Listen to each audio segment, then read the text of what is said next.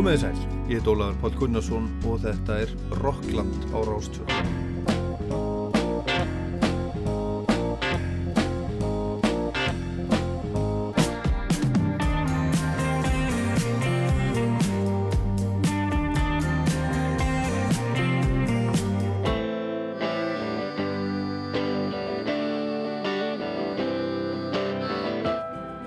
Þættinum í dag er tveggjamanna hljómsveitin Ísafjörd atkvæða mest en Ísafjörd samastendur af tónlistamannunum Aðalbyrni Tryggvarsinni og Ragnari Solberg, Adda úr Solstöfum og Ragnari úr Sign. Þeir eru búinir að taka upp og gefa út plötu sem að heitir Hjartastjaki undir nafninu Ísafjörd en þeir eru báðir ættaðir frá Ísafjörði. Tónlistin minnir á Solstafi á köplum stundum og Sign en líka á Siguróst til dæmis stundum Addi segir okkur frá hérna á eftir, kemur í heimsókn í viðtal og við heyrum nokkur lög að þessari blödu. Og það er líka ímislegt annað á dagskrá, til dæmis U2 sem sendi í vikunni frá sér fyrsta lægið af, af 40 af blödu sem á að heita Songs of Surrender, kemur út í mars og hefur að geima 40 gömul U2 lög í nýjum búningi. Fyrsta lægið er sem sagt komið, Pride in the Name of Love og sitt sínist hverjum snild og glatað og allt þar á milli. Svo er það Johnny Rotten úr Sex Pistols, hann ætlar að reyna fyrir sér í Eurovision, fyrir Íra, hann er Íri, eins og þeir Bono og já, Bono er líka hættur að lita á sér hárið, nú sést að það er orðið grátt, Bono verður 63 ára í mæ og við skoðum aðeins svona, skoðum aðeins gengi Íra í Eurovision í gegnum tíðina og heyrum þetta nýja lag með Johnny Rotten og Public Image Limited sem að fer kannski alla leið í Eurovision. En við skulum byrja á Jeff Beck sem lést núna í vikunni. Hann var eitt mesti gítarleikar í sögunar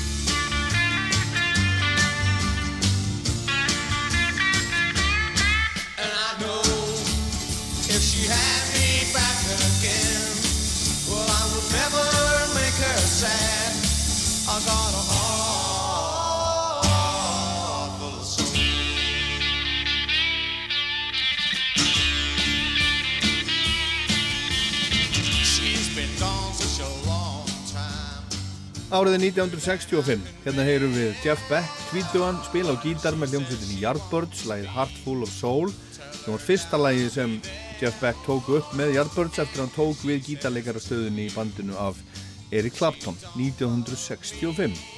Clapton vildi bara spila hreinræktaðan blues, segir sagan, og hætti í hljómsveitinni sem vildi spila alls konar músík og öðlast vinsældir, slá í gegn. Jeff Beck kom inn í bandi fyrst sem bassarleikari, þess að það Erik Clapton var það fyrir og svo var þann gítarleikari með Clapton og svo var þann aðar gítarleikarin í Yardbirds og með hann inn á bords var sveitin vinsalust en hann þótti eitthvað erfiður í samstarfi ungur maður með stórt ego mætti ekki alltaf þegar hann átt að mæta og svona en hann var ekki heilsuhraustur á þessum tíma saðan, sjálfur var á endanum rekin og þá var Jimmy Page komin inn í bandið og tilvarð hægt en öruglega hljómsveitin Led Zeppelin upp úr Yardbirds, en það er önnum saga. En þetta er lítill heimur, þessi tónlistarheimur og sérstaklega í Breitlandi á sjújönda áratögnum. En Jeff Beck, þessi frábæri, ástsæli, gítarleikari, eitt besti og mesti gítarleikari sögunar, hann er sérstaklega fallin frá, hann var 78 ára, Hann lést eftir stutt að baróttu við heila heimnubólgu núna í vikunum sem leið. Hann lendi til dæmis í fymta sæti yfir hundra bestu rockgítalegarana í tímaritinu Rolling Stone fyrir nokkrum árum og nýjasta platan hans kom út síðasta sömar. Það er plata sem hann gerði með Johnny Depp, leikarannum og tónlistamannunum Johnny Depp. Þeir kynntust fyrir nokkrum árum og urðu góði vinnir og gerðu saman þessa plötu sem að heitir Ádján, 18 og þeir túruðu saman í fyrra með hljómsveit, spiluðu við það til dæmis í Royal Albert Hall í London og við skulum heyra hérna upp af slag þessara plötu það heitir Midnight Walker og það heyrist alveg þarna ja, það heyrist á öllu sem að hann spilaði hvað hann er ótrúlega flinkur og með sérstakann stíl. Hann notaði til dæmis aldrei gítarnögl heldur notaði bara puttana á strengina. Fimm puttar í staðin fyrir ein gítarnögl. Það var það sem hann, hann vildi og taldi betra og, og þannig náða þessu sérstakka sándi sín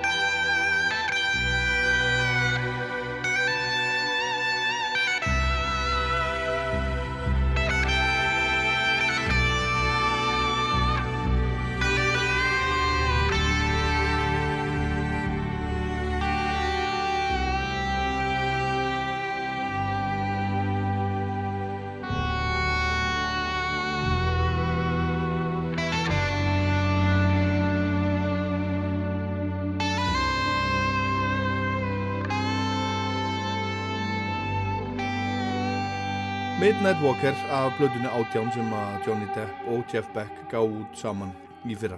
Og Jeff Beck kom einu sunni til Íslands og held tónleika í háskóla bíói, Messoforti hitaði þar upp. En eftir Yardbirds, eftir að hann var reygin úr Yardbirds, þá stopnaði hann árið 1967 Jeff Beck Group á samt Rod Stewart, söngvarannu Rod Stewart og Ronnie Wood sem að síðar gekk til liðs við Rolling Stones. Og Jeff Beck hefur verið mjög aktífur í músíkin allar tíð, hann hefur spilað með fjöldarhljómsveita og listamanna, gefið út 11 soloplötur, solostúdioplötur og svo spilaði hann á óteljandi aðra plötur. Og hann kom til dæmis oftar en einu sunni til greina sem gítarleikari hjá Rolling Stones. Og síðast var það held ég þegar Mick Taylor hætti en þá reyðuði Ron Wood, gamla vinn Jeffs og meðlim Jeff Beck Group En hann var frábær gítarleikari, eitt virtasti, skemmtilegasti og flottasti gítarleikari sögunar og hann notaði aldrei gítarneglur, hann hætti því fyrir löngu síðan og ég spurði hann einmitt út í það þegar við spjöldluðum saman í síma fyrir áratug þegar hann var á leiðninga til Íslands. Uh, I did all, all through my early days because mm -hmm. I thought that's how you had to do it. Mm -hmm. But then I listened to Chet Atkins and Merle Travis and fantastic country pickers and they all had a clear sound. And I knew that they must be using finger picks. Um, and I couldn't use more than two picks and I thought, no, this isn't for me. One will do. And then in the 70s, um, with Jan Hammer, I found it so frustrating that if you lo- lost your grip on a pick, that you would then have to resort to fingerstyle, and that happened so often that mm-hmm. I ended up playing better with, without a pick. kind of an accident. Yeah, but because, like a classical player, you don't use a pick. You've got five fingers and six strings. You can make a lot more impressive sounds with uh, with all the fingers in action rather than one piece of plastic. Um, John McLaughlin plays marvelously with a pick, and um, I couldn't even shake a stick at what he does. But mm-hmm. then, similarly, he couldn't probably do what I do, you know. So I, I use that as part of my style. You know.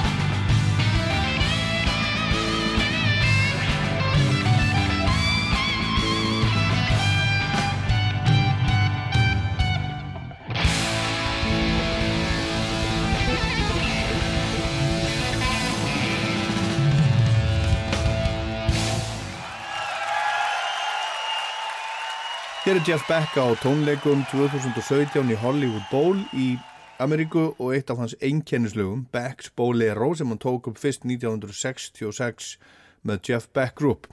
En hann var hérna áðan að segja frá því í viðtalinu sem ég tók við hann 2013 þegar hann var á leiðinni til Íslands að hann var alltaf að missa gítanöglina á tónleikum í gamla daga og á endanum ákvaðan að slepp henni bara alveg þegar hann áttaði að segja á því að það var hægt að gera alls konar hluti að maður sleppti nöglinni sex stringir og fimm puttar.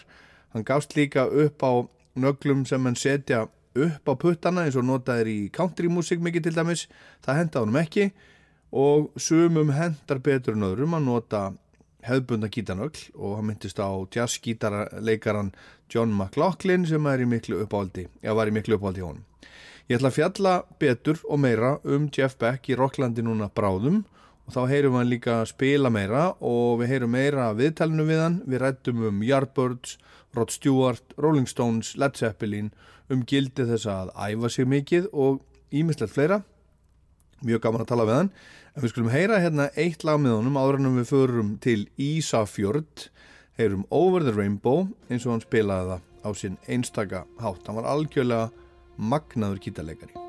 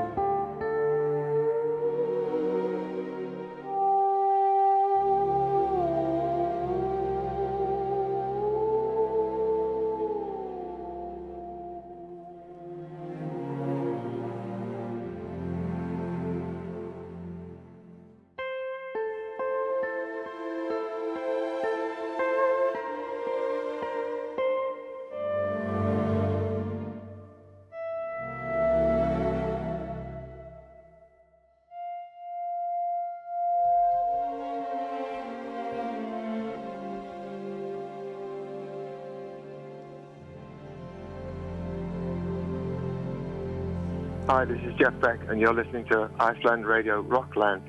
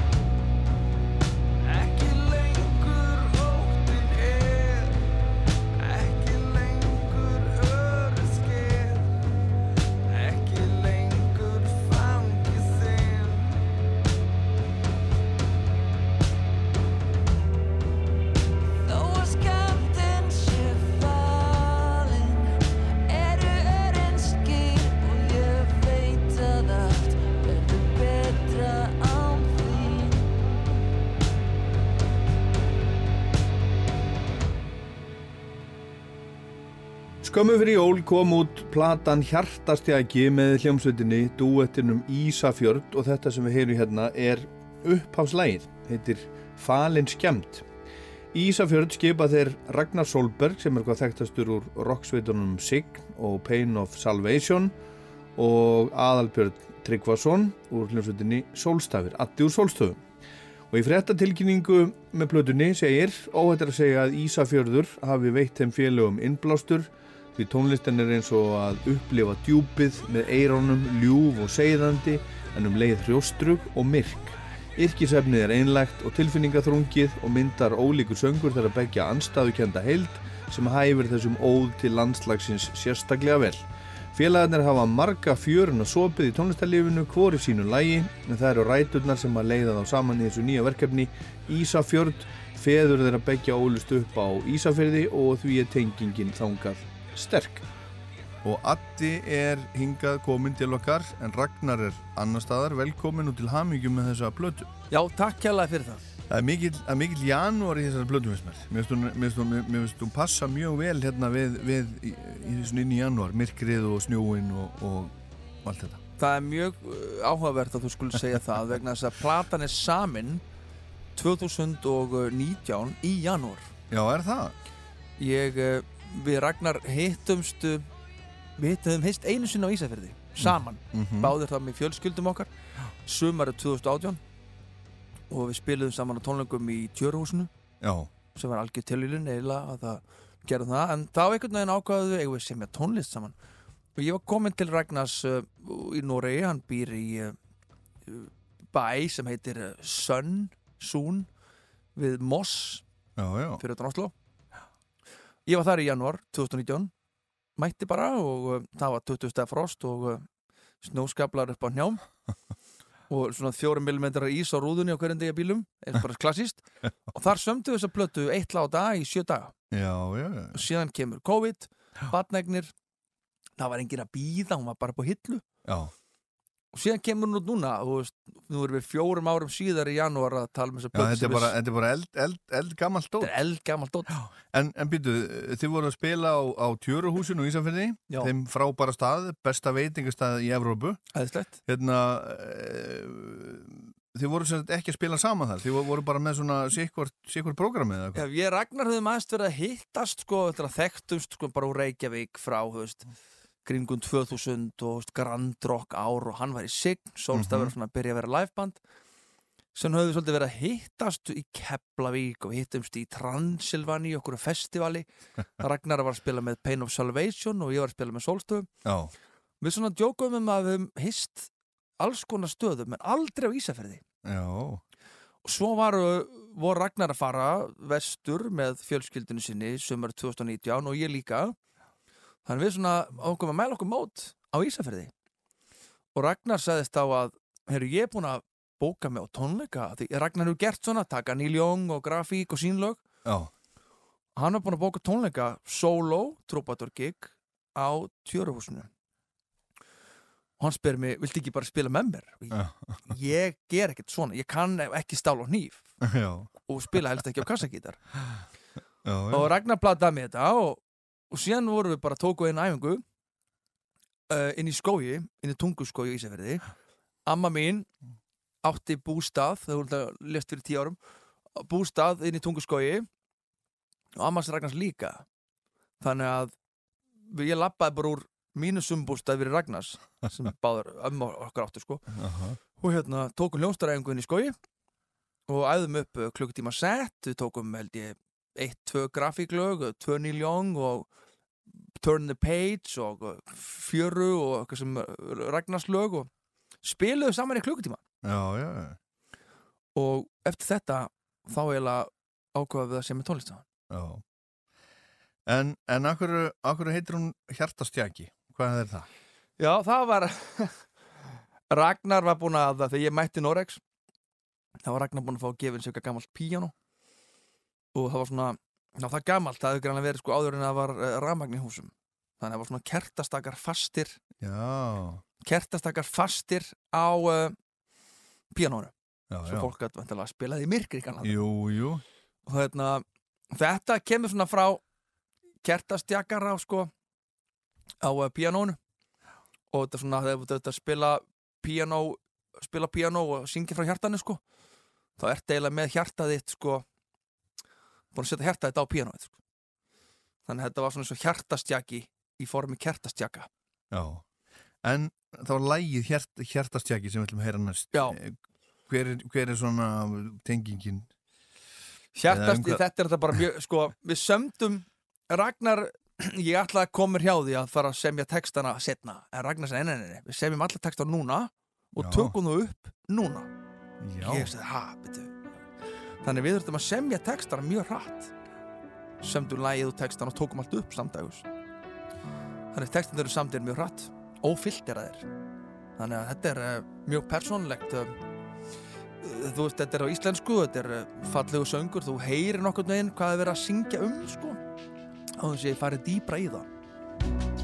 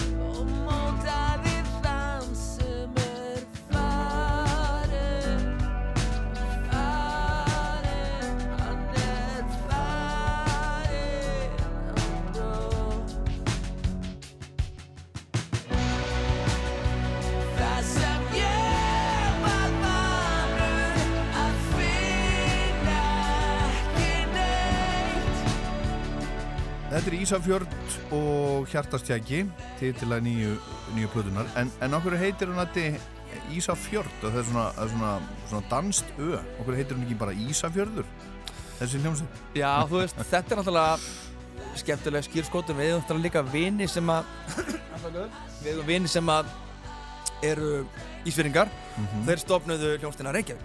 Já. Það er okkur verðst af svona hálfindið en uh, sko, Ragnar býr í Nóri tala norsku. Mm -hmm. ég bjó í Nóri tala norsku. Bjóst í Nóri? 97 býr í Nóri Já, akkur Ég var í, uh, í líðháskóla í já Fólkahóskólu Var þar á þannig, ég tala norsku og Ragnar tala norsku platan er saman í Nóri uh, Það er erfitt í dag eins og að skýra svo Ragnar lendi með sign. Mm -hmm. það er ekkert sniðut að skýra ljóst sign. Mm -hmm. farð á uh, googlað upp sig mm -hmm. eða farð á YouTube.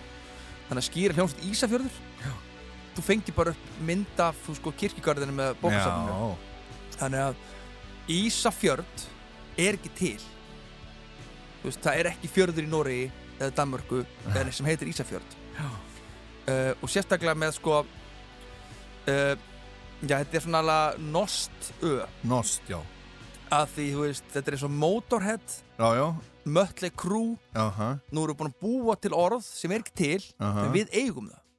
Þannig að þetta er ekki þetta aðgreinir hljómsitana Ísafjörð algjörlega frá köpstaðinu Ísafjörður. þetta er útspekular og þetta er svona þetta er svona, uh, þú segja, þetta er svona aðlagað að nútíman aðlagað að Instagram. Aðlagað að Instagram. Skemmtilegt. En hvað, hvað er að, er að er að frétta að ragga, hann, hérna hljómsettin sem hann er búin að vera í Já, hann hætti í Pain of Salvation fyrir nokkur árum. Já, hún er sænsk eða ekki? Hún er sænsk. Og hérna, hann er, Ragnar er eh, mjög frjór tónlistamæður og uh, hann gefur semið tvæð þeirra plötur á ári. Hvort einn kom út á ári en hann semur nokkur ári. Hann var að semja hann skoraði hérna, heimildamindir um sundlaugar á Íslandi. Já sem var í sjónvarpinu núnum áramóti áramóti, jú. Og, hérna, og hann, uh, búin, hann er nýbúin að gefa út uh, Forest Love Songs plötuna sína. Ég held að Ragnar sé búin að gefa út sko tvær soloplötur og sem ég skora fyrir sundlögumyndina eftir að við hittumst og sömdu þessa plötu. þannig að hann er uh, mjög frjór þar sko.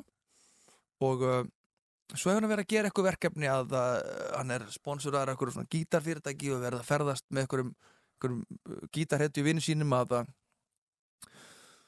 svona eitthvað svona, svona namfílingur að spila okkur svona gítardóti en uh, annars er hann alltaf bara býr út í skói og sem er mikið að tónlist. Já, en hann býr í Norri út í skói, Já. er að semja hann er, að, hann er ekki í annari svona hefðbundinni vinnu.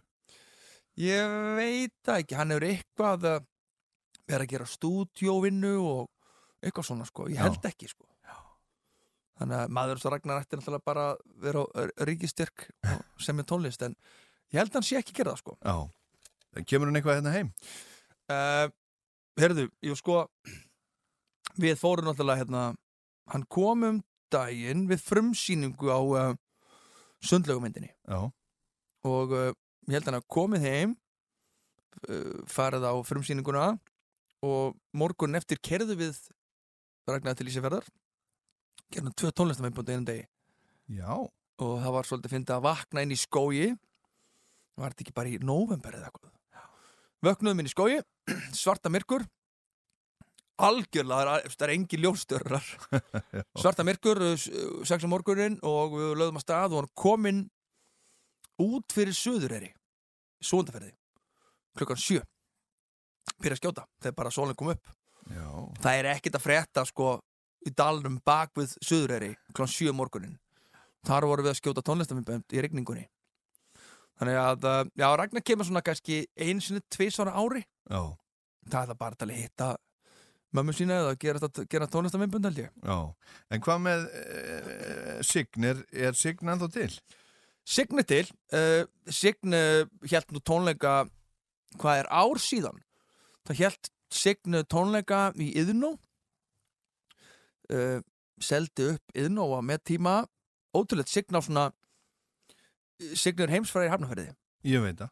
Það er ótrúlegt og þeir hafa fyllt gauginn og yðnóu bara mæti bara svona einhver árgangur af jú. og ég heldur að bara tekið sko fyrstu eða aðra plötuna. Tóku bara hana. Já, og öll lög voru bara eins og uh, We Will Rock You sko. We Are The Champions. Já. sungu allir með öllu já, já. Hann, hann kom til mín mann ég í viðtal með pappa sínum bara þegar hann var 11 ára. Þegar hann Já. gaf út fyrstu sólplötunum sína. Nei, ég held ég eigi þengst það til.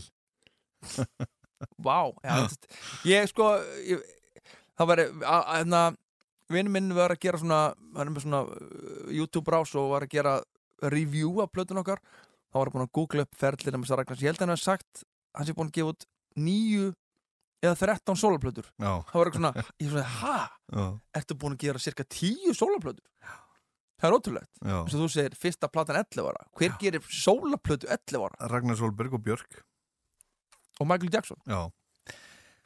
Herðu, heiðin segðu okkur frá því lei Heiðin er svona uh, hvað ég segja? Uh, svolítið svona samsöngur. Þar syngjum við svolítið saman uh, sko stundum hendaði vel að syngja vers og chorus eða svona sikkur lægi hérna eru svolítið að syngja saman. Uh, sumlu einhvern veginn henduð ekki að hafa trommur. Uh, þetta er eitt af þeim að kemur svona smá inn í endan en þetta er svona mjög sumt að þessu er sko undir að því feður okkar beggi er frá Ísafjörði stundum leituðu þið smá í svona í æsku feður okkar, hljóma mjög háflegt eða þá í svona verst fyrst folklór, má ég tala um það?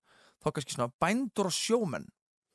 Uh, harðindi um vetur slísfarir þú veist það er erfitt að komast kannski í björgunarsveitir eða spítala eða samskipti, þú getur ímdar að keira óslíðina eða menn að fara á böll í gamla daga eða koma af tógara í land 1940, 50, 60, 70 þú veist alla, hvenær alltaf verið komin ljósistöðrar eða hvenær voru hvenær var björgunarsveitin komið með talstöð og þetta er svona mjög gamaldags vestfiskur raunveruleiki sem að, svona, hefur áhrif á okkur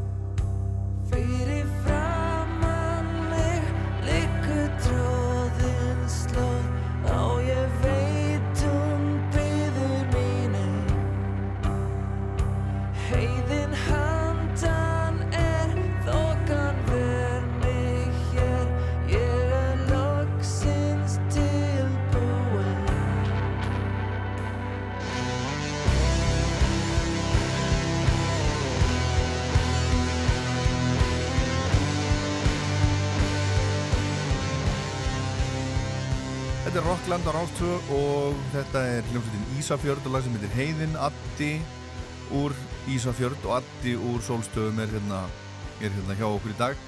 Er allir, er allir sáttir í, í, í Sólstöðum við að þú sért að gera þessa blödu? Já, ég baði nú ekki um leifi sko Nú? Hérna, Nei, nei, ég hérna Þar maður það ekki?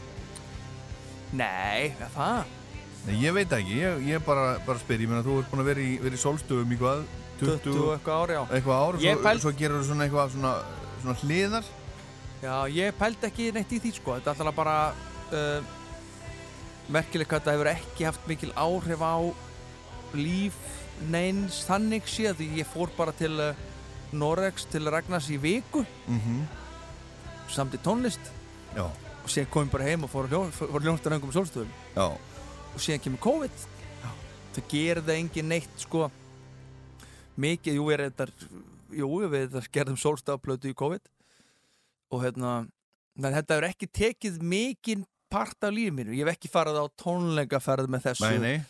Uh, og hérna, þetta er svo, svo skemmtilegt þetta er svona lögleg framjáhöld Já, spila með vinnu sínum. hafa strákarnir vinninir Sólstöðum, hafa þeir kommenterað eitthvað á þessa blödu? já, uh, já, já, bara það sé skemmtilegt. Hallgrimur uh, trommanum er sér í einu lagi á plötunni. Já, og hérna, en sko Ragnar hefur Ragnar hefur leist svafar af með sólstöðum að bassa til dæmis. Já. Þannig Ragnar, þú veist, það er ekki svo ég sé sko Hann er svona með í, einhverjum- í fjölskyldunni. Já, ég er ekki með einhverjum ókunnum Þetta er einhver í Já. fjölskyldunni. En hvað er að, er að frétta af Sólstöðum? Við fórum aðeins í það. Uh, Já, við gerðum alltaf plötu í COVID. Kom út þarna bara í byrjun á COVID og þannig við náðum ekki að fylgja þeirri plötu eftir. Uh, Fyrsta sumarið sem var svona temmilega normalt hefur verið síðasta sumar. Tókum við okkur, ég veit ekki 6-7 festival í Európu Það var mjög skrítið að standa allt í henni á sviðið fyrir framann þú veist, 20.000 manns á okkur um akri í útlandum og svo COVID aldrei gerst í einhverju tjaldi. Já, já, og hérna, við erum að semja nýja plötu. Já, nú er 10. janúar, við ætlum að taka hana upp í mæ já. Þannig við erum uh, já, bara í fullri uh, samningaferli um að semja.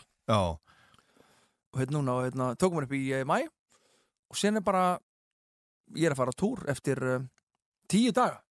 Þá er ég að fara þá er ég að fara á uh, fjara vikna túr um Európu með sólstöðum. Já. Það er fyrsti túrin fyrsti mánaðatúrin í tja, cirka þrjú ár. Já, já. Og eru þið sem sagt, þetta er bara yk- ykkar túr? Þið eru svona, þið eru headline Nei, við erum að taka svona co-headline túr uh, með hljómsið sem heitir Katatonia frá Svíþjóð. Já, undarfarnir túrar sem við höfum gert hafa verið svona við eiginlega bara stundum einir. Mhm. Þá hefur við gert strengja túra. Þá hefur við tekið sko túra um Európu og svona, já, fyrir þrjá fjóra vikur er þetta vanlega þá hefur við tekið sko tveggja tíma gig eh, með eh, fjórum strengjanleikurum og Ragnar Ólasonur Ástíðum var með okkur á píano þannig að við hefum aldrei gert uh, ja, aldrei, jú, jú, við hefum gert svona co-headline túra áður en uh, það er svolítið síðan. Og hérna eina sem er neikvægt við það er að við getum ekki spilað tvo tíma dag. Við erum svo vanir því, svo löng lög. Já, nú erum við bara einhvern veginn hér, erum við bara, bara að spila sjö lög þetta, þetta er alltaf við alltaf að byrja. Þið ekki að byrja. En, en svo ertu, svo ertu í útarpinu líka. Þú ert á, þú ert á X-inu Já, já, ég hérna, Er það, finnst þér það skemmtilegt? æðislegt. Já, Hérna, það er svona, það er ár síðan. Já, Þá basically ég ringdi Ómar í mig og sagði hérna Mér vantar mann í útvarp, getur þú byrja eftir helgi? já, Ég held að vera eitthvað grín. Já, okkur ilst að vera grín. Nei, ég bara, þú veist, það var svo óvænt, sko. Ég hafði, sko Ég hafði sótt eða svona, ég hafði spurt frosta á mána gegnum tíðina fyrir mörgum árum. Að svona, heyrðu, ef mér var til ég mér langar svolítið að prófa þetta. Mér hafði langað að prófa þetta. Og svo bara, ekki neitt gerist ekki neitt árið líða og, og hérna og síðan, já, ég er svona já, ég hugsaði sko, síðan hættu strákandi með Harmageddon. Það byrjaði þetta nýri maður í brúnni Tommy Steindós ég þekkti Tommy ekki þá og ég sagði ég er vilja til ég að prófa þetta svona að fá verið útastmaður og hérna og síðan bara, veitum, en þá ringi bara Ómar mánuðu síðar eða eitthvað. Og hérna, ég er búin að vera í ári núna og mér finnst það bara frábært. Mér finnst það hlakka til að fara að vinna okkur en degi. Já, og hérna, þetta er sérkjænlega vinna. ég mér finnst það frábært. hlakka alltaf til. Þú veist, ég ger það ennþá eftir, eftir þú veist 30 ár. en sko, Óli, veistu hvað ég vunni marga leðilega vinnur? Ég er bara ekki dýmyndað með það. ég vunni rosalega marga leðilega vinnur þetta er svo langt frá því að vera leðileg vinna. Þannig mér finnst að og bara, eins og við rættum við næst áðan menn að þú veist, það er svona, svona dagskrágerð í útvarpi. Mér finnst, þú veist, að- mér finnst gaman að þú veist, tala þú veist, um sex pistols og fara þú veist, svo er verið að gera heimildamindir um þetta og mér finnst gaman að tala um tónlist já, já. það getur maður í gaman. öllum eftirpartíum Jú, jú. öllum þegar maður er 16 ára eða 26 eða 36 Já. þegar maður hittir ykkur vinsina, tala maður um tónlist Jú, jú, höldum áfram með Adda og Ísafjörð hérna rétt á eftir og svo er það Eurovision og Sex Pistols og U2 og alls konar.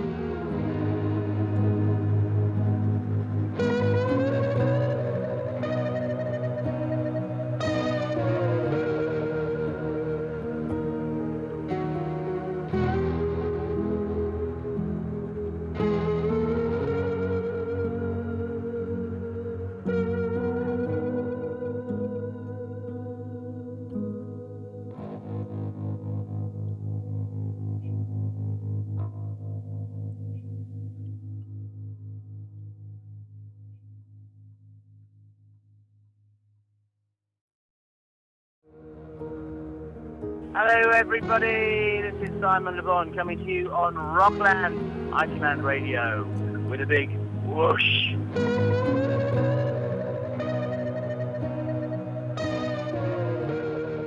mér finnst gaman að tala um tónlist Já, já. það getur maður í öllum jú. öllum þegar maður er 16 ára eða 26 eða 36 Já. þegar maður hittir ykkur vinsina, tala maður um tónlist þú veist, snerilsándið þarna gítarsóluð þarna Já, þessi gerði plötu með þessum Já, og þetta er einhvern veginn ég gekk aldrei mentaveg, ég er ekki lærður þroska þjálfi eða veist, smiður. En ég er með B.A. doktorskráð í alls konar nördism um snerilsándi eða okkur plötukover Já. svona nördismi. Ert- þú ert meistar í því. Og, og hérna en talandu vinnu, þú, þú hefur líka verið að vinna, vinna í bíóbransan Já, það var í COVID, þá hérna þá hérna, þetta er svona merkilegt. Ég er hún hrættu við þetta í lífinu svona be careful what you wish for og hérna, ég get nefntið þrjú dæmi. Þegar ég var uh, í Noregi uh, sem er plötuna Ragnar fyrir fjórum árum. Ragnar uh, á stelpu sem var þá kannski, ég veit það ekki 5-6 ára, Rebecca og ég sá, ég öfundi að Ragnar eiga svona stelpu. Það var svona, við fórum með hann á leikskólan þetta var svona, þetta var æðislegt. Ég bara, vá, hvað Ragnar heppin eiga svona lítið batt, svona lítið stelpu. Ég var til í þetta dóttir mín er uh, verða 30 ára í april ótrúlegt, þitt fyrsta barn? Mitt fyrsta batt Já, já, og sjáum að gera þetta með útvarpið. Það var hérna, langa þetta. Ringdi í mig, viltu vera? Ég ha? Og sjáum að einhvern tíma var ég hérna í húsnaði að ég mikið í að tengja snúrur. Ég er algjör rótar í eðli mínu. Unnið mikið við það sem sviðsmaður eða á airwaves og mm uh, baklínu með Bergi Gersinni og svona. Og hérna, já, ég var húsnaði að tengja ykkur að mikrofóna og hugsaði ég. Get alveg unni bara við þetta. Vera bara að tengja ykkur snúrur í mikrofóna og statíf og svona, mér finnst- það gaman. Þetta er svona sen fyrir mig að vera ykkur að mæka upp stöf fæ mail bara mánuð síðar frá Átna Gústafsinni, Atta Gústafsinni Hörru, mér áttar hérna hljóðmann í óferð, sex mánuður, kemstu á þriðdæn Ég bara ert að grínast?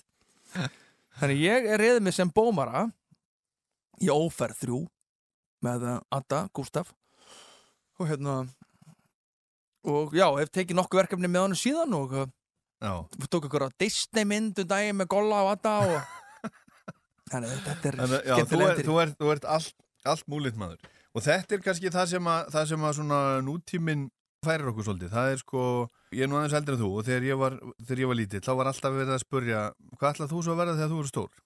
Og þá var ekki einhvern veginn um svo margt að velja. Maður gætt, verið sko, maður gætt lært að vera veist, smíður eða rafvirki eða skipstjóri eða læknir eða lögfræðingur eða eitthvað svona. En nú eru svo mörg störf sem voru ekki til fyrir 30 árum og 40 árum og 20 árum. Þú veist, þú getur unni við að gera bíómyndir þú getur unni við að búa til tölvuleiki þú getur unni við að búa til músík. Þetta, útvarp þetta var ekki til þetta. það er, 60s þannig, að, að það er og, og, og, og menn geta verið í rauninni sko, svo, svo margt, eða gert svo margt og jafnvel á sama tíma. Já, og ég held að það sem að, það sem að sko, við förum aðeins út í það, þá held ég að sé þannig hjá, hjá ungu fólki í dag að það vil bara vera að vinna við eitthvað svona skemmtilegt og bara svona taka sér verkefni. Það vil helst ekki hef ég svona, ef mér fundist í kringum það vil helst ekki ráða sig í vinnu. Þar sem þú mætir alla daga, stimplar þinn og ert allan daginn, skiluru heldur þú ert bara einhver svona verkefnum. Og ég held að það sé bara, þannig er bara nútíminn Þetta er meiri, kannski eh, meira ADHD lífverðin af fólki, þú veist, það er meiri örfun í heilan alltaf, mikið hlutum sem getur gert í einu, Já. við lifum að meiri hárhæða öld, kannski. Ég á mjög erfitt með að setja kjör í tíu tíma, gera bara saman hlutin, sko. Já, Ég vil helst fara út með prik og make-up stuff og vera síðan komin inn að tala í mikrofón eða fara að vinna í plötukofuri eða síðan verið í Pro Tools aðeins og fara síðan, já, já, gera alls konar gera alls konar. það er nútíminn Já. En, en, en hvernig sko uh, þú veist, myndir þú vilja vera að gera músík engungu ef að þú gætir, ef það myndir borga allar reikningana þina Algjörlega. Þú myndir vilja það? minnst ekkert skemmtilegur en að vera allir sér hljóðveri með strákunum að taka upp plötu. Vinna í því, sko. Skapa eitthvað í hljóðveri um, eða bara á miðum tónlingum með gott mónitorsand. Það er að ultimate að fá gott mónitorsand. Um, já, minnst ekkert skemmtilegra en að gera það. Þannig hérna, það kemur að atvinnu, það er að segja. Já, Ég er ekki berað saman við, þú veist, fjölskyldudótið eitthvað annað.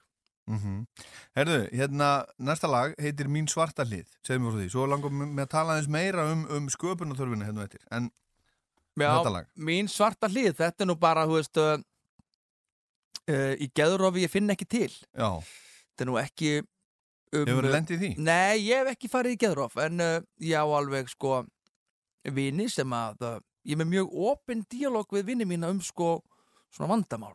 Og hérna, ef svona, ykkur óviðkomandi myndi lappin í samtölum, þannig hugsa bara, hvað mér almáttu. Nei, en ég hef alveg vinist að lýsa þessu, að hvernig er að vera í geðurofi og hvað, hvað það er sem að fær þig til að uh, fara aftur og aftur í geðrof þetta er eitthvað flótti sko og hérna en fólk er með þessar svörtu hlýðar sem að þú reynir að halda í skefjum með ýmsum aðferðum og oftast er þetta lífsnöðsynlegt að halda svörtu hlýðunum í skefjum. En það getur verið erfitt að halda þessum svörtu hlýðum í burtu. Uh, því oftast endar einn í geðrofi á gólfi, kannski inn á hóteli að hlusta tónlist sem er ekki á staðnum og tala við fólk sem er ekki á staðnum. Mín svarta hlið Mín svarta hlið Velur stormin við hvert andartak. Þín svarta hlið Þín svarta hlið. Hvíða köstin kalla á geðlif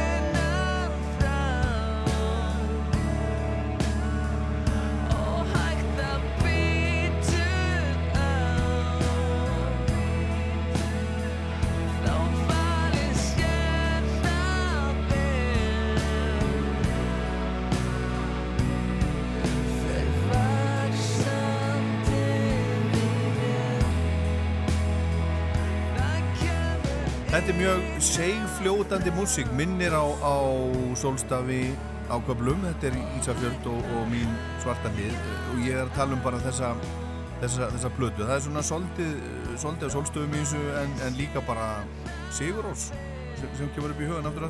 Já, Svona þessi, þessi svona, svona hæga, þessi hæga músík og svona endurtekinn, einfaldur, melodískur hljómagangur já Ég, ég sko og sound.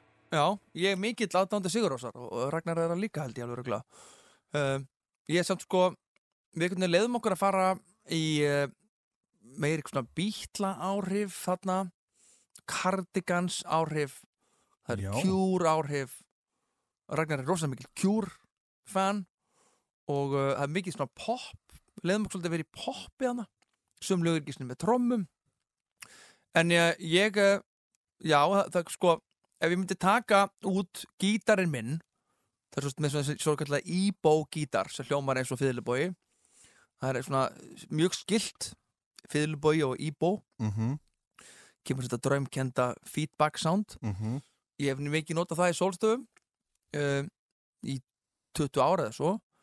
Uh, en já, það, við leiðum okkur sko, það voru enga reglur. Við megum alveg sko, ég prófaði mér svona fiðlubóga Mm. einu lagi þessu Ragnarti fiðlubóga þetta er svona að leika sér og leifa sér að prófa allt. Ég er ekkert að fara að mæta með fiðlubóga í sólstöfum og vera svo Jónsi Sigurost, það gengur ekki upp. Nei. en í ykkur stúdjói út í skói í Nóri að leika sem einhvern fiðluboga meðan vetur, þú veist, jú, gera það til að búið til sound. Mm og það ætti ekki að stoppa þenn eitt veist, þetta hljómar er svo þetta. Veist, hver hver fann upp hjólið í tónlistinni? Veist, bítlarnir voru að hlusta á Chuck Berry sko. Og Chuck Berry var að hlusta á Led Belly og koll af kolli -hmm. þannig að við lefum okkur allt og hérna og þetta er líka örfis að semja tónlist sko tveir með enga pressu og bara ég ætla bara að halda þessum tón og þú prófa bara að syngja eitthvað setja bara alltaf reverbi á, þetta er flott, skemmtilegt. En það er ekki mikið rífur, rífur á, á blöðunni, ekki á sögnum Ekki hann er, söngnum. Hann er alveg, alveg dræ þetta er eitthvað pæling sem kom sko. Uh, þetta er eitthvað svona kannski svona þetta er réttið, þetta er svona ágæð production pæling. Uh, svolítið svona kannski veit það ekki, svona, svona Nick Cave það er svona alveg, já ég, ég, er ekki dimrættur, Mhm. ég get ekki leikið Nick Mhm. Cave. Uh, þetta er svona, hann er meira in your face. Já, já svolítið Trent Reznor líka Nine Inch Nails mm. hefur gert það þetta er svona pælingar, þú veist, Nick Cave svona stundum Neil Young En þetta er einhvern veginn röddin verður, rödd, hún verður meira svona einhvern veginn berskjölduð. Það er, það er, það er ekkert, Nei. engin hjálpatæki, engin, engin hjálpatæk. En sjáðu til, það eru tveir mikrofónar á þessari blötu Það eru bara tveir Þessi plata, er, hún, hún er eiginlega sko gerð eins og árið sér 1985 með tveim mækum inn í bílskur á kassuteip kassutæki, svona, svona, svona teiptæki en það er, hún er svona tekin upp á Pro Tools en það eru tveir mikrofónar. Það er ekki 12 kompressor og okkur fancy reverb á söngnum. Þetta er bara mikrofón á teip þannig eins berskjald á hægt er. Já, og það er svo veist, á öld sem allt hljómar er svo fróða melodænað og grettað í drasl. Það er erfitt að standa út já, já. tónlist, þetta er tónlist, ekki svona leis. nei, tónlist er Þetta er rosa bara- mikið overproduced í dag Þetta er bara kjöt og kartöflur. algjörlega, þetta er bara með vörtum og öllu sko. Já. Herðu, en, en tölum aðeins, mér langar, langar að tala aðeins, halda aðeins áfram þess að að, vorum við áðan að tala um sko, hérna bara, uh, við getum talað um sko bara sköpuna þörfina, bara hvað er það sem að fær uh, ykkur til dæmis til þess að, að, að bara standa í, í, í þessu, menn þið eru ekki öruglega að fara að túra þetta, þið eru ekki að fara Nei. að búa til einhverja peninga út úr þessu ímyndaði mér, ekki þannig, eða hvað? nei, þetta er ekki moneymaker skal ég segja þér um, en Hvað, þetta, hvað er það? Okkur, er, okkur gera menn svona?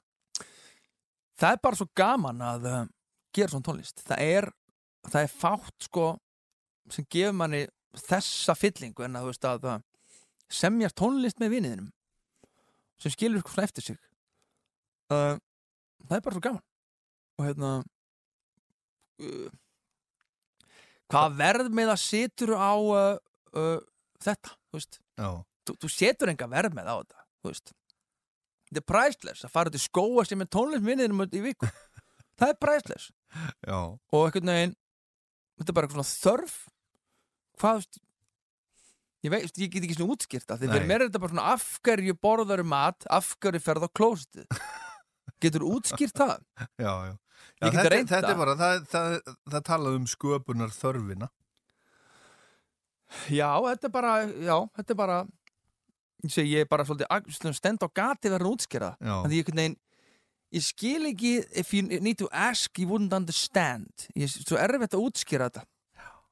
Þetta er komið, þetta er nóg En hún er, hún er, hún er komin út á ljósbláum vínil Þetta eru, þetta eru tvær blöður, það eru tvö lög á hverju hlið og, og hérna, þetta er líka á streymi veitum eins og Spotify til dæmis En hvað, sko, einhvern tímann var ég að ræða vínilútgáfu við einhvern fyrir svona tveimur, þreimur árum og þá var hann að segja mér að það væri svo, það væri svo, það væri svo langur byggtími. Það væri, væri fleiri mánuðir sem að þú væri að býða eftir þessu. Er það ennþá, ennþá þannig? ég held það að þannig að sín tíma þegar uh, vínilli fór tísku á öld gestliskins uh, 90s, ef að segja 90s þá lokuðu allar þessi versmiður vínilversmiðunar bara þetta, það gekk ekki sko. Mm -hmm. og síðan bara er gestliskurinn að það tröllir yfir öllu og síðan fer vínillin mjög hægt og bítandi í gang aftur nær aldrei alveg sömu hæðum en í fyrst skipti ár held ég að verið í Englandi eða eitthvað sem að seldist meira vínill en séti Mm -hmm. það hefur ekki gerst síðan 1989-90 eða eitthvað. Og síðan þegar bara risarnir að fara að vera hipster. Adele og allar aðrar Adele. Mhm, svo ég vil gera vínil. Mhm. ok, ég vil gera miljón eintök þá var alltaf einhver lítil uh, vínilvesmið í Tjekkoslavakju, í Tjekklandi sem var stopnuð í Tjekkoslavakju það er bara pöntun upp á miljón eintökun af Adele-plötunni. Þá er bara hinn 8000 neðjaraböndin, þið eru bara sittið á hakanum. Já, það er hérna IMI var að ringja þannig er þetta búið að vera. En þetta er búið að vera svona einhver tíma. Ég held að það sé fleiri það hlýtur að vera að minka byggtímin að það sé ég ætla að fullera það. Eða ykkur að við séð, séð það hérna, að veri gott að kannski neður, við skulum kannski taka ríkið af gömlu vínilpressunni mhm. En við skiluðum þessu master fyrir svo löngu að þið var enginn að býða sko. Nei, nei, þannig að þið voru alveg, al, alveg rólegir. Já, já, en ég, sko, ég held samt að ef ég skila til dæmis master af næstu sólstafaplötu í ef ég skila honum í september ég held að sé að það er lámark 6-8 mánuður ég hef getið fengið vínleinda ekki hennar. Vá, Já, já, það er lámark 6 mánuður. Er Þannig að, Þarf ekki bara vínilvesmiðu á Ísland? heyrðu, Er, er þú ert, ma þú ert maður sambandana hvar eru, það, það er þóttvist ekki frábærar hvar eru gömlu uh, vínilpressunar sem fálk, er- fálkin átti og Nei, það var hérna, býtu, hérna ekki, hérna ekki Prisma, ég veit ekki eða var það prentsmiðan? Þetta var eitthvað sem var í Hafnarfyrði, Fálkin átti eina já býtu, en það var sko þessi vínilpressa sem var til hérna á, á Íslandi. Hvernig var þetta? Það voru einhverjir bræður sem að keiftu þetta og þetta var einhvers staðar í geimslu, þetta er fyrir mörgum árum síðan, kannski fyrir 20 árum og svo meðan annar bróðurinn var í útlandum þá tók hinn sér til og hendi þessu. E eitthvað svo leiðis. En, en, en það er náttúrulega sko, ég, ég, það var hópur, hópur eh, sem var að skoða fyrir nokkrum árum að opna svona vínilpressu hérna á Íslandi, þú veist, með, með hérna svona, umhverfisvæna pressu vegna þess að þetta er ekki umhverfisvæn, þetta þetta þetta, er gert með gufu og gufan er búin til með því að brenna olíu og svo er náttúrulega olíu, eða veist, þetta er náttúrulega plast í þessu, þetta er ekki með umhverfisvæn, sko. Sérstaklega ekki að það er að gera þúsund eða hundra á steindök Þannig að kannski bara deyr þetta út fljótlega út af því að þetta er ekki. Af hverju samt á árið 2023 er ekki komin umhverfis er ekki til hérna getum við ekki fengið hampvínil Eða Já. við vera fyrst til að gera það? Já. Hampvínil Til í það. Tök, tökum kaffu eftir. Herðu, Addi, hérna, það er eitt lag eftir. Uh, Sólstafur er að fara að túra, Ísafjörð allar ekki að túra, eða hvað? Vi, við höfum fengið svona fyrirspyrnur um þetta og Já. við höfum verið sammála því við Ragnar, við erum ekki að fara að tapa fullt af peningum að leiða okkur sendibíl og sofa okkur um köldum gólfum. Að því þú veist, þetta er það ung band. Mm uh, við erum ekki frægir þannig að það er enginn að fara að borga okkur peninga fyrir þægindi. Uh, en ef við myndum koma eitthvað skemmtileg tilbóð þú veist, áhugavert þá myndum við líklegast gera það. En það þýðir það að þá þurfum við að leggja svolítið vinna á okkur af því að þessu lög hafa aldrei verið spiluð Nei, það þarf að æfa. þú veist, við Ragnar spilum þetta sjálfur. Ragnar tromma megnið, ég tromma eitt Hallgrimur eitt. Það Ragnar spila allan bass á plötunni þannig við þurftum þá að fá menn til þess að æfa og Mm og síðan Ragnar býr úti, við þurftum að spila ykkur á landi. Ég varst um að fyrsta gigið okkar sjá græna hattinum, það er þið líklegast í Hollandi eða Þískalandi þannig þetta er strax meira en að segja það að segja, ég vil spila á tónleikum. Já, já, draumur væri samt og aldrei fór suður já. Það komið út í loftið. Herðu, ég ætla að enda hérna lagi sem heitir Njálsaga, sem er nú fyrsta lagi sem, að- sem að þú uh, sendir á mig. já, Og, og það var bara fyrir, fyrir nokkur mánuðu síðan. Og það er einhver, einhver Neil Young tenging. já, þetta er náttúrulega algjörlega Neil Young lagið á plötunni við Ragnar eru báður uh, miklir uh, Neil Young aðdándur á þessu gigi sem við spiluðum í Tjórósunu held ég við tekið sko þrjú Neil Young lög Cortez the Killer, Þetta? Heart of Gold. Hvað tóku við hitt? Old Man held ég. Mm -hmm. við höfum getið tekið sko alla, bara þær plötur uh, þannig að við, að, það varð að vera eitt Neil Young lag og uh, ég held að segja að þetta sé sko tjúningunni gítartjúningin er sko sama og er Cortez the Killer Já, Drop D. já, já, dropped í svona. Og við erum með sko þetta er svo fyndið, svo, svo authentic. Þetta, þessi petall heitir Fender Blender.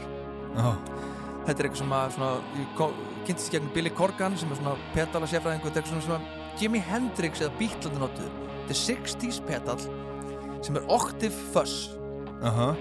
og þetta er svona hann er 50 ára gammal það að þú veist, þú tengir hann það kemur svo mikið til háaður bara first generation Octave Fuss að þú veist, hún nærði ekkert Neil Young gítarsandinu nema að vera með 50's fendirmagnara hann er bara með 60's Fender Fuzz Octave pedala sem heitir Fender Blender. Þannig nærðu þau sandi með að bara botna hann. Já, jómandandi til hamingi með þessa blödu Ísafjörð, Hjartastjaki og gleðileg nýtt af Takk fyrir.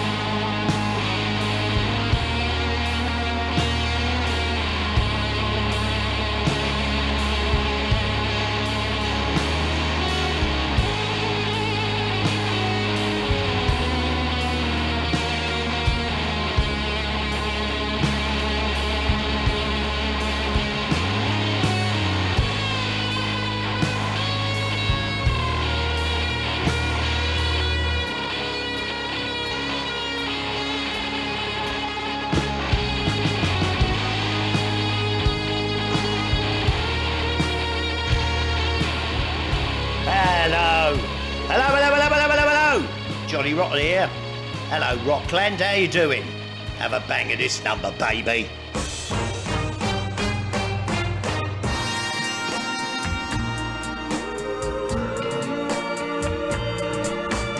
One day, while I was out walking, I saw your face in the midst of a crowd.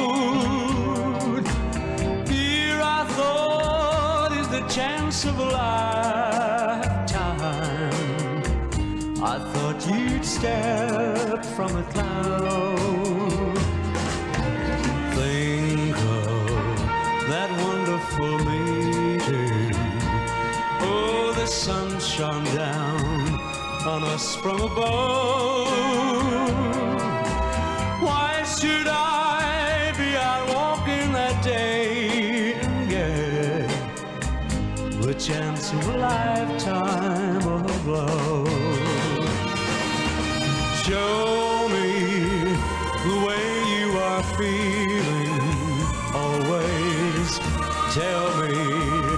Just what I should know. Oh, a guiding hand must have brought us together. But now that seems so long ago. You are the one I have dreamed of. Oh, I never thought my dreams would come true. Chance of a lifetime, the chance of a lifetime with you. Show me the way you are feeling always. Tell me just what I should know. Oh, guiding hand must have brought us together. But now that seems so long ago. You are the one I have dreamed of. I never thought my dreams would come true.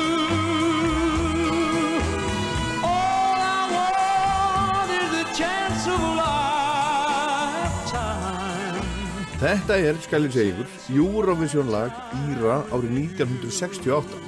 Þessi náungi heitir Pat McGuigan frá Clones í County Monican og hann lendi í fjórðarsæti í keppninni það árið með átjámstík.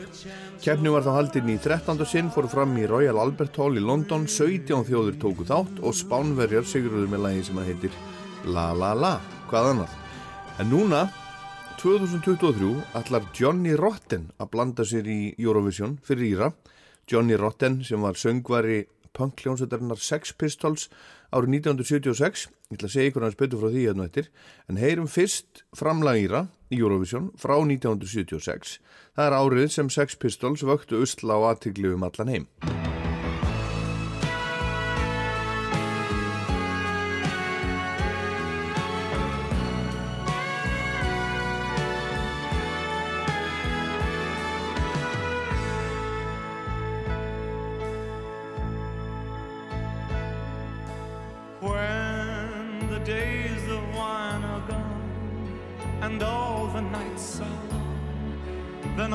My thoughts run on to you.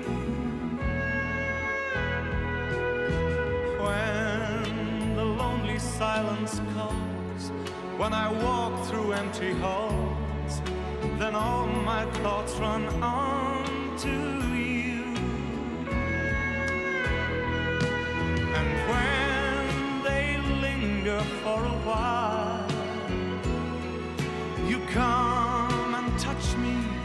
Your tender smile. And when your love was all my world, my days, my life you were, then all the songs were songs of you. I tasted well of sweet success. Nothing touched me that was second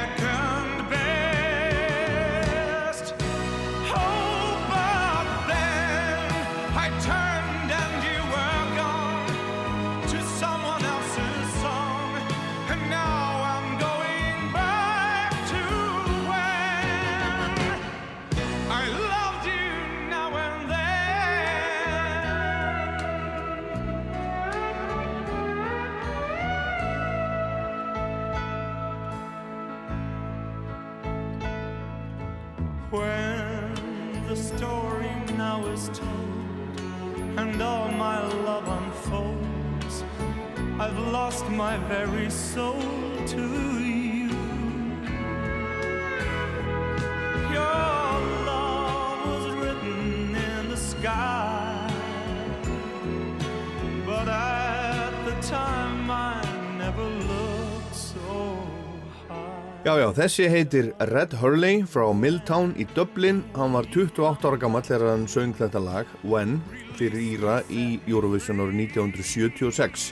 Keppnu hóð fram í Haag í Hollandi, átjón þjóður tóku þátt og englendingar sigruðu Brotherhood of Man með Save Your Kisses for Me.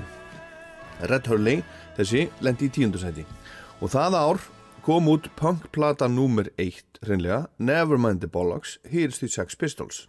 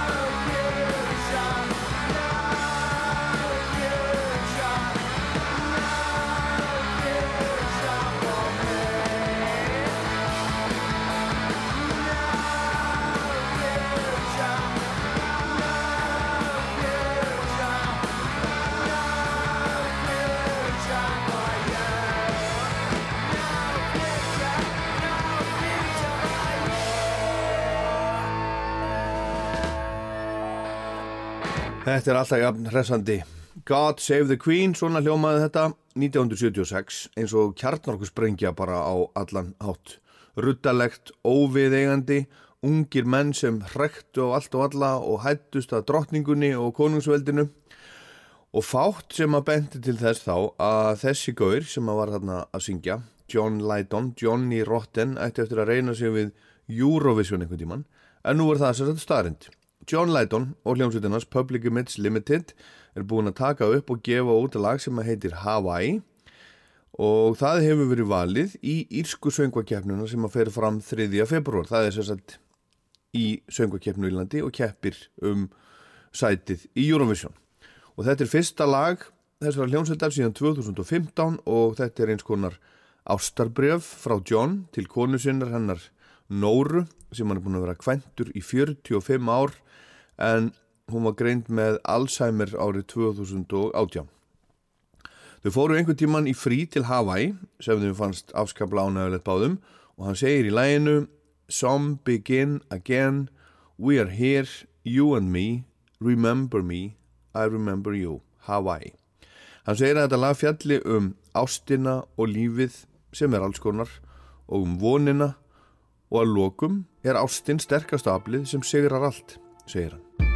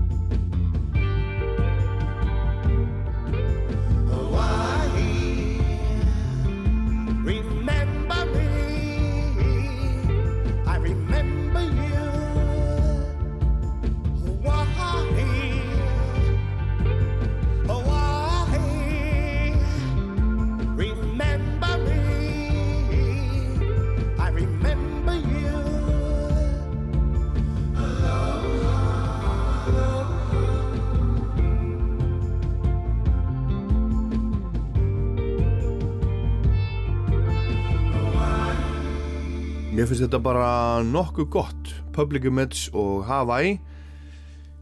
Uh, Ég ætla rétt að vona að þetta, þetta vinni Írsku söngakefninu og fari alla leið í Eurovision. Og Írum hefur ekkert gengið neitt sérstaklega vel undanfarið. Þeim hefur oft gengið vel, þeir hafa oft unnið. En 2018 þá var einhver sem að heitir Ryan O'Shaughnessy sem að, að kefti með lag sem að heitir Together. Það lendi í 16. sæti 2019 var Sara McTurnan með lag sem heitir 22 það uh, komst ekki upp úr undanúslitunum svo er það Leslie Roy sem að ætlaði að vera með lagi Story of My Life 2020 þá var engin Eurovision keppni muniði út af, af dálitlu. Hann var svo sendur 2021 með lag sem heitir Maps. Það komst ekki upp úr undanúslitunum og í fyrra var það Brooke með lag sem heitir That's Rich og það komst ekki heldur upp úr undanúslitunum og nú er það sagt 3. februar sem að Íska söngvakeppni fer fram og kannski fer Johnny Rotten og Public Image Limited fyrir hann dýra. En John Lydon er áhugaverðu náingi og ef fólk spyr mig þá segi ég mjög skemmtilegur. Ég fekk tækifæri til að hitta hann í smá stund þegar hann kom hingað á Æsland Airwaves 2016 á vegum Gríms Allarssonar og félaga og hann var þá fengið til að vía punksafnið í Reykjavík og svo var hann líka með svona einhvers konar performance í, í Kaldalóni í Hörpu. Ég fór að hitti John á laugadeginum á Airwaves í húsi Vestri bæ sem að hýsti hann og Rambo félagans og umbóðsmann með þeir voru í Íslandi og þeir buðu upp á kaffi og við rættum heim og geima og ég spurði hann út í unglingin John og á hvaða músikarnu hlustað og svo framvegs. What did you uh, like when you were like a, yeah, Everything. a kid? Everything. Everything. All of it. I used to love going to the festivals when I was young. Um, and I'd go on my own at a very early age, 14, 15. But my mum and dad knew that I was a, a self determined, uh, sprightly, forthright chap, me. I wouldn't take no for an answer. Uh, and uh, the festivals in them days were fantastic because it'd be just one stage, but there'd be 15, 20 bands on. Yeah. And until the last band's on, the stage doesn't close, and that the variety, the overwhelming differences between all the different bands was thrilling to me. Endless possibilities. Um, never thought of being in a band myself at that time, but it must have somehow been feeding it into me. Yeah. The, the, the energy of it. How about bands like the Beatles? Do you, Uh, do you like them? No, but that's that's a personal issue as well. That's because my mum and dad loved them and would play them all night bloody long and night and keep me awake, and it drove me crazy. Yeah. You know, if, anybody dares put on "She Loves You," yeah, yeah, yeah, I'm gonna I'm gonna burst the gasket. Because it reminds me of wanting to be asleep and, and calm. Yeah, yeah, yeah, yeah. Right? Yeah. And there it goes. It's the situation wrapped around the thing for me that matters. I have noticed. I, I remember things like photographs. Yeah. See, this is how it works for me, mm-hmm. or doesn't, as the case may be. Yeah. I have noticed that almost all the people that say that they don't like the Beatles, they are they're on the same age. They were children when the Beatles were. Do you think so? Yeah, they, Yeah. they were so, overplayed. So it was like they had older, older Yeah. siblings or parents that was always playing this bloody band. yeah, yeah, yeah. No, they were overplayed. They were consistently on the radio. But Yeah. this is the beginning of pop music. I mean, I mean, I'm, you Yeah. know, I've been So around. when- I've been around a long while. Me, Yeah. I remember when um, the BBC and, and all the radio stations switched from playing classical music to pop music. Yeah. I remember the first pop record I even heard. Okay, on and the what was radio. It was called Little Boxes. It was the stupidest thing in the world, but it was a thrill to hear it because it was it wasn't an orchestra.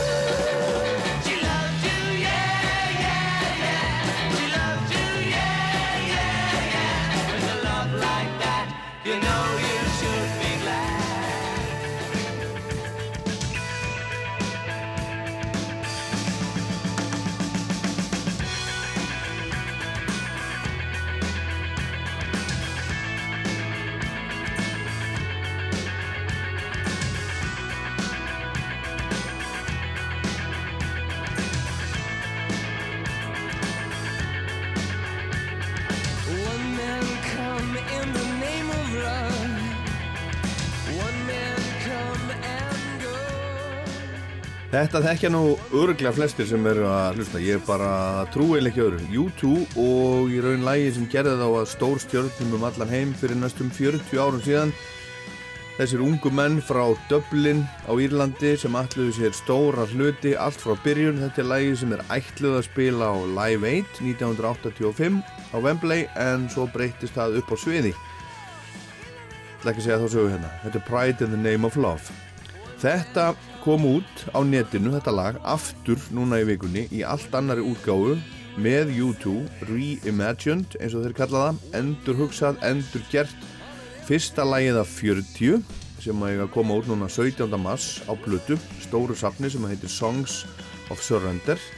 En Surrender er nafnið á bókinans Bono sem að koma út núna fyrir jólinn, æfisögunans og Surrender er hugtak sem að er Bono og þeim félögum hugleikið um þessa myndir uppgjöf uppgjöf gagvart hinn og þessu jákvæð uppgjöf, eða þetta orðað þannig eins og til dæmis þegar einstaklingur gefst upp og viður kennir vannmátt sinn gagvart einhverju áfengi eða lífinu almennt bara gefst upp og hefur svo gungu til nýs lífs.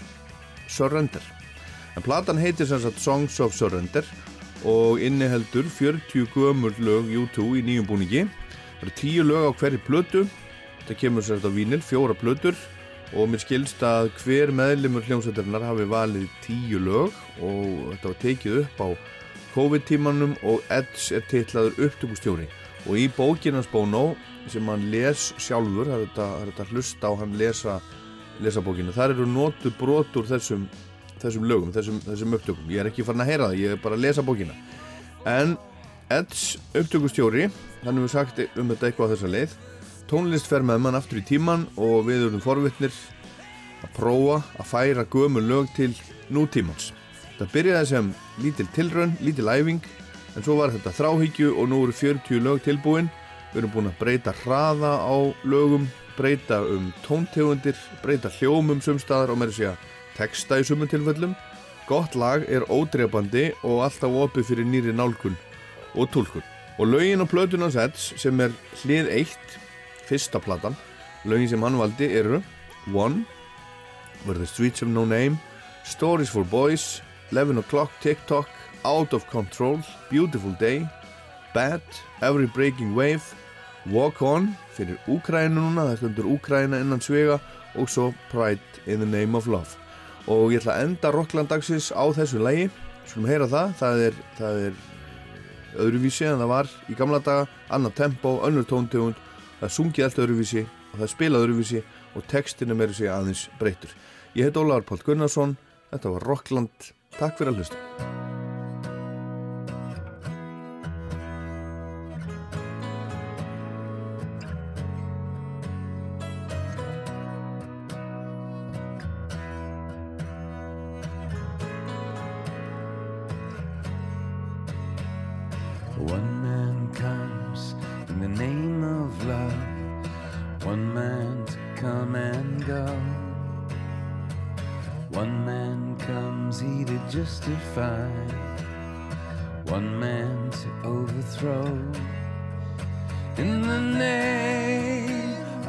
Love, one more in the name of love, in the name of love.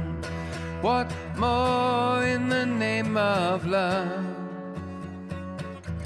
One man caught in a barbed wire fence, one man he resists.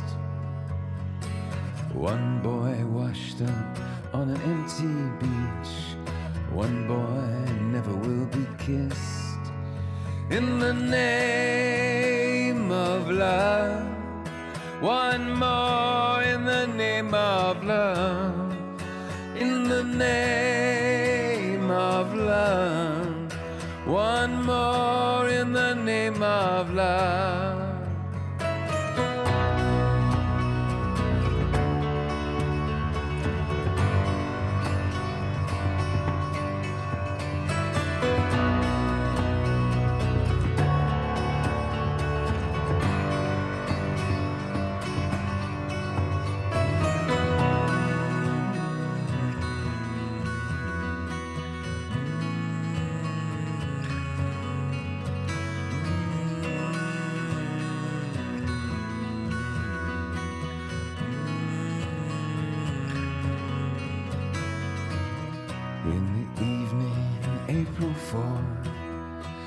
Shot rings out in the Memphis sky. Free at last, they took your life, they could not take your pride.